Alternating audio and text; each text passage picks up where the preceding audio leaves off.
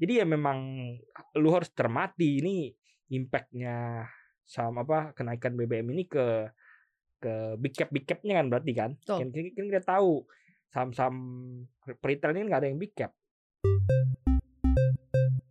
Tapi kalau market ini biasanya melihatnya meresponnya sebagai bentuk apa sih? Kalau dengan adanya kenaikan eh, BBM ini?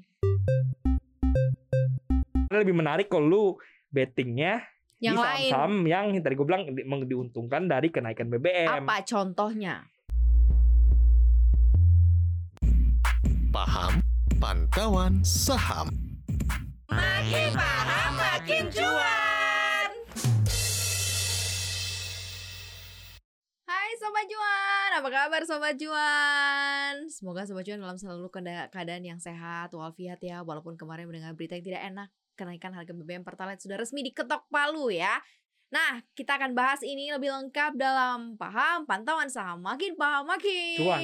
Ya, sebarang Mara Katarina dan juga Tri Putra tim Desetin Bis Indonesia Naik finally pot akhirnya Setelah ditunggu-tunggu kan Ini naik nggak setelah naik tarik nggak? ulur. tarik ulur tuh tiba-tiba weekend Iya, ya. Pinter juga sih. Tapi emang dari tahun ke tahun ya 10 apa dari zaman SBY kenaikan BBM selalu di hari libur. sengaja memang Iya, ya supaya Cuman tidak cuman, ada iya. kerumunan, tidak ada crowded Iya. orang gitu kan.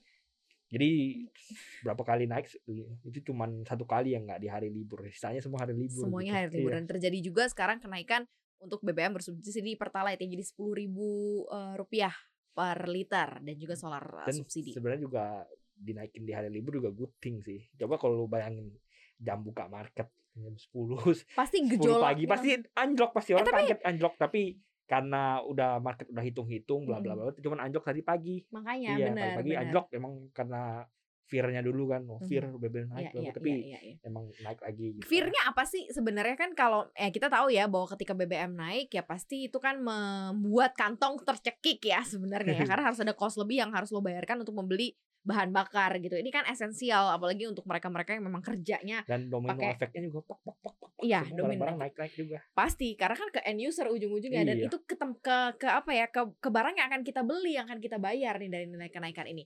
Tapi kalau market ini biasanya melihatnya meresponnya sebagai bentuk apa sih? Kalau dengan adanya kenaikan eh, BBM ini?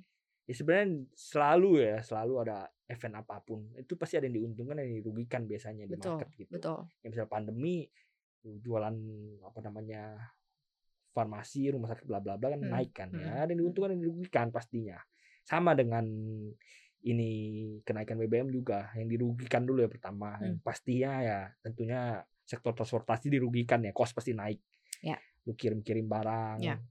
pakai BBM pakai ini itu pasti kosnya naik kos Mhm, naik ya valuasi apa profit turun profit turun valuasi turun valuasi turun ya impactnya ke harga gitu Hmm.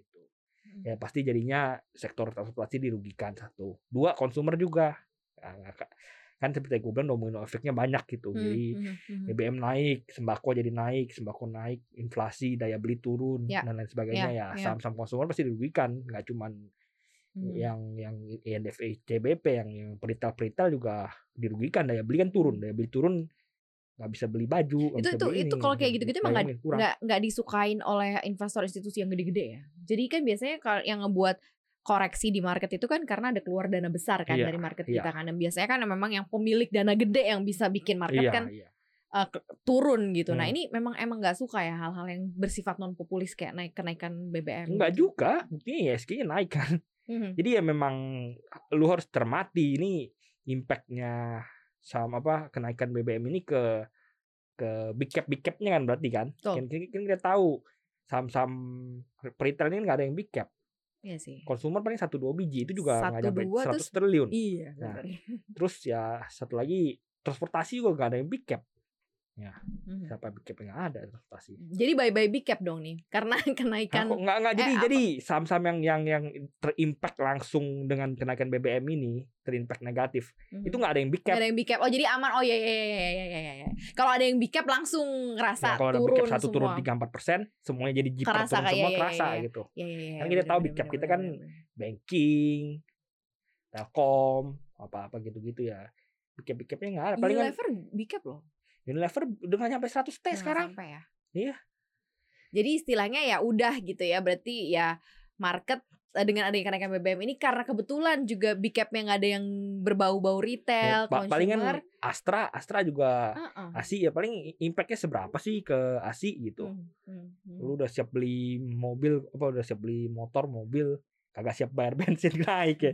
Gitu. Tapi outlooknya jadi kayak gimana nih nanti untuk eh, saham-saham yang berbau retail, kemudian berbau eh, otomotif gitu Hmm. ya. Karena otomotif kan bukan hanya mobilnya, suku cadangnya Iya, mungkin akan ngaruh juga ke sana. Kalau consumers pun juga ya pasti dengan kenaikan harga barang-barang, apakah kemudian daya beli masyarakat nggak mampu ngedongkrak sehingga nanti kinerja eh, apa daya beli masyarakat benar-benar akan Hmm. flat, benar-benar akan ya udah menghentikan misalnya berhenti makan mie instan gitu Hmm. ya atau berhenti dengan konsumsi barang tertentu karena memang harus ke bensin semua nih. Sebenarnya terimpact tapi nggak gitu terimpact besar. Lebih banyak yang contohnya INDF ICBP lebih terimpact dari har- kenaikan harga gandum. gandum Ya. daripada ini daya beli turun daya beli turun oke dia ngurangin berapa berapa persen penjualan lah Itu gitu katakan Tadinya beli beli 10 iya mie-nya terus jadi belinya cuma 7 iya, gitu. sembilan sembilan Jadi setengah gitu cuma Iya. satu itu. jadi nggak apa berimpact tapi emang nggak nggak gitu banyak ya, ya, ya, apa ya, ya. terasa tapi karena secara agregat pasti terasa gitu tapi cuman ya cuman ke sektor-sektor tertentu dan di sektor-sektor tertentu itu juga impactnya nggak masif Hmm, kayak hmm. misalnya ketika diserang corona itu impactnya benar-benar masif dan terasa kan kalau ini impactnya hanya dalam jangka waktu panjang akan terasa oh terasa ya gitu Mhm. kalau kalau lu ngomong tiga bulan enam bulan ya belum akan terasa gitu Tapi akan jadi pilihan tersendiri nggak sih saham-saham yang berbau-bau yang sangat lekat banget dengan kenaikan BBM ini atau justru ya udah stay away dulu deh jangan dilirik dulu Nah, gitu dalam situasional seperti ini. market kan sifatnya kan forward looking jadi Hmm. ketika ada efek-efek ini ya udah jual dulu ya lu lihat saham-saham transak apa transportasi rata-rata merah hari ini ya karena emang market apa rasanya forward looking karena terimpact belum walaupun impactnya emang nggak gitu gede ya jualan Hmm. dulu aja gitu karena emang sentimennya lagi jelek di saham itu ngapain lu beli mending lu jual Hmm, nanti hmm, kalau hmm. turun anjlok parah lu bisa beli lagi di bawah kan logikanya seperti Iya, itu Iya, iya, iya, iya, Nah, iya. Jadi jual dulu walaupun udah keburu telat kan udah diumumin. Iya, iya, BBM-nya. iya, kan. Ketika lu jual pagi-pagi nggak telat, semuanya juga baru tahu. Setelah itu berapa lama sih biasanya eh, waktu ininya, waktu untuk mungkin rehatnya ya saham-saham Hmm. ini ketika memang nanti sudah berjalan berapa bulan sih Mhm. setelah mungkin nanti keluar eh, seberapa besar sih dampaknya kenaikan BBM ini ke inflasi gitu Ya nanti per sektor ya kalau Heeh. ngomong inflasi apa sebenarnya. Sebenarnya untuk ke depan lagi tuh apa namanya berita negatif untuk saham konsumer sebenarnya udah nggak banyak lagi. Paling nanti kan inflasi kan, inflasi Hmm, gede, hmm. BI naikin suku bunga lagi, daya beli udah mulai sta- stabil. Hmm. Ya udah sebenarnya cerita negatif untuk konsumer tuh udah nggak gitu banyak lagi. Ya udah tinggal tunggu bottoming aja, lihat bottomingnya di mana ya udah. Tapi kan consumer juga kayaknya udah cukup mature gitu kayaknya walaupun mungkin ada daya beli ada ada ya, terdi me- dikerek ya, lagi ketika sahamnya koreksi misalnya dia koreksi parahnya minta ampun hingga yieldnya tinggi kenapa nggak main? Kenapa nggak masuk? Kan kalau udah mature ya lu liatnya yieldnya Hmm, dividen yield oke. ya tapi kalau misalnya udah koreksi parah yieldnya jadi 10% ya udah it's okay. Kalaupun nggak dinaikin lagi lu dapet yield 10% banyak deal, lumayan juga iya. sih yield 10% itu iya ya makanya lu lihat dulu juga makanya per, per, per- kalau lu main saham konvensional lu, lu per- perhatikan yang paling penting yieldnya berapa saat ini. Lu Hmm. tentu aja lu harus prediksi ya kira-kira tahun ini bakal cetak laba sekian nah kan ada beberapa yang turun tuh ya lu prediksi kira-kira menurut riset ini ini ini bakal cetak laba segini tahun ini Mhm. dari laba segini DPR-nya tahun lalu segini ya lu bisa kira-kira kan bukan Hmm, lu pakai hmm, yield hmm. tahun lalu plek gitu jangan kayak gitu nggak boleh kayak gitu nah dari situ udah longsor parah lu udah yieldnya oh yieldnya jadi lumayan nih Mhm. ya nothing wrong kalau mau betting di sana gitu Oke, tapi Kalau- sebenarnya lebih menarik kalau lu bettingnya yang di lain saham-saham yang tadi gue bilang di- diuntungkan dari kenaikan BBM apa contohnya? yang jelas pasti komoditas ya komod ya pasti Masih Saksi, komoditas suku bawah. ya lu ngomong saham-saham perminyakan Ya, apa ya, sebagainya itu ya, pasti di ya happy lah Mm-mm. gitu terus Happy-nya kalau udah nyu- eh, nyicil kemarin ya harusnya ya. ya kalau lu masuk Naik pagi-pagi juga nggak apa-apa gitu pagi-pagi kema tadi pagi Iya, udah kelar dong kalau baru masuk ke ya. besok. Ya sa- emang udah kelar tapi tapi kan eh, apa untuk untuk jangka pendek kan ya udah udah spike ya Ya udah lu Hmm. tunggu koreksi atau lu masuk sekarang potensinya sebenarnya masih ada untuk saham-saham beberapa saham-saham perminyakan ini masih ada beberapa yang menarik masih Hmm. ada yang ada ada storynya Ya, ada yang market kecil masih menarik gue lihat gitu, tapi ya Oh ya. nggak usah disebut. Ya, ya. Nanti Ada aja ya yang masuk. off the record. Terus ya komunitas kayak batu bara juga masih, Masih, oke, masih, ya masih, masih. masih ada satu kali, at least satu kali Masih. cycle dividen gede Masih lagi. menunggu sampai 500 dolar dulu ya. Iya, mungkin bisa ke sana tapi ya kita bisa kita perhatiin ya ini Rusia Ukrainanya juga gimana berkepanjangan gak kita kita tahu nih udah deket Hmm. deket winter biasanya stockpile batu bara ya harganya Mm-mm. naik ya Mm. mungkin ke 450 kalau misalnya konfliknya pecah parah lagi bisa 500 Iya, apalagi meluas konfliknya wah itu seru itu kalau meluas tuh. tahu sih. bisa ke sana tapi ya at least batu bara masih ada satu kali cycle dividen gede lagi Ya, ya. ya kalau misalnya kalau misalnya apa namanya dikatakan bisa panjang ya bisa dua kali lagi tapi at least bisa ada satu kali lagi di tahun pembagian dividen 2022 ya berarti itu 2023 Hmm. 2023 mungkin udah cooling down tapi dividennya masih akan jumbo dibandingkan dengan angka normal kan kita tahu batu bara normal kan 60 70 Mm, mm, mm. 100 200 pun masih norm, masih abnormal Iya. ya mungkin walaupun nanti naik dikit atau turun bahkan Mhm. tapi masih gede dividennya baru nanti udah 2024 itu baru mungkin sudah mulai cooling down.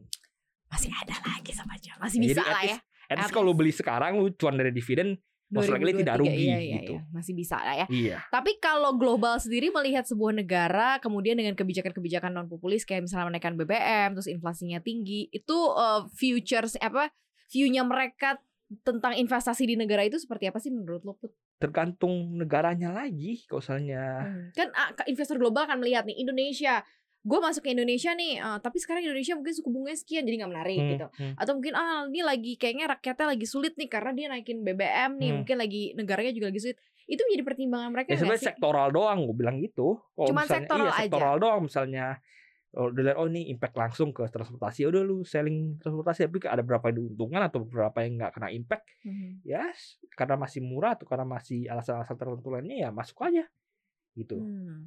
Asing juga waktu gembar-gembornya BBM naik satu satu minggu terakhir Ya, ya, ya. net buy Net triliunan kok satu triliun iya, dua iya. triliun gitu hampir dua triliun ya saham-sahamnya apa yang dibeli ya komod banking Mhm. yang paling cuman beli ICBP doang satu yang consumer Mhm. ya yang consumer nggak banyak dibeli ya Iya. Sembil, sepu- beli 10 sembilannya yang yang untung atau nggak ke impact gitu satu Oke. paling dia cuma nahan harga atau apa gitu ya masih masih happy lah asingnya. Masih happy lah ya, asingnya masih happy. Dan kita pengennya domestik juga ikut happy dong ya. Jadi walaupun kenaikan harga BBM ini mungkin agak cukup membuat ikat pinggang harus kencang ya sobat cuan karena harus bisa lagi ngitung lagi gitu ya. Karena ada tambahan 3000 nih kenaikan harga BBM kan sebelumnya di 7600-an terus ke 10000 ya ada 2500-an yang harus di spare lagi per liternya. Ya mungkin lebih lebih eh prihatin dulu lah gitu ya. Kita berharap sih nanti bisa turun sih. Ya, mudah-mudahan ya. Gitu aja sobat cuan obrolan kita hari ini. Semoga sobat cuan semuanya selalu happy, selalu senang. Jangan lupa untuk dengerin podcast kita di Apple Podcast, Google Podcast, Spotify dan juga Anchor. Jangan lupa follow akun Instagram kita di @cuap underscore dan subscribe YouTube channel kita juga di cuap cuap cuan, di like, di share dan juga di komen. Jangan lupa ya nonton kita juga di uh, CNBC Indonesia TV. Thank you sobat cuan. Happy terus ya. bye bye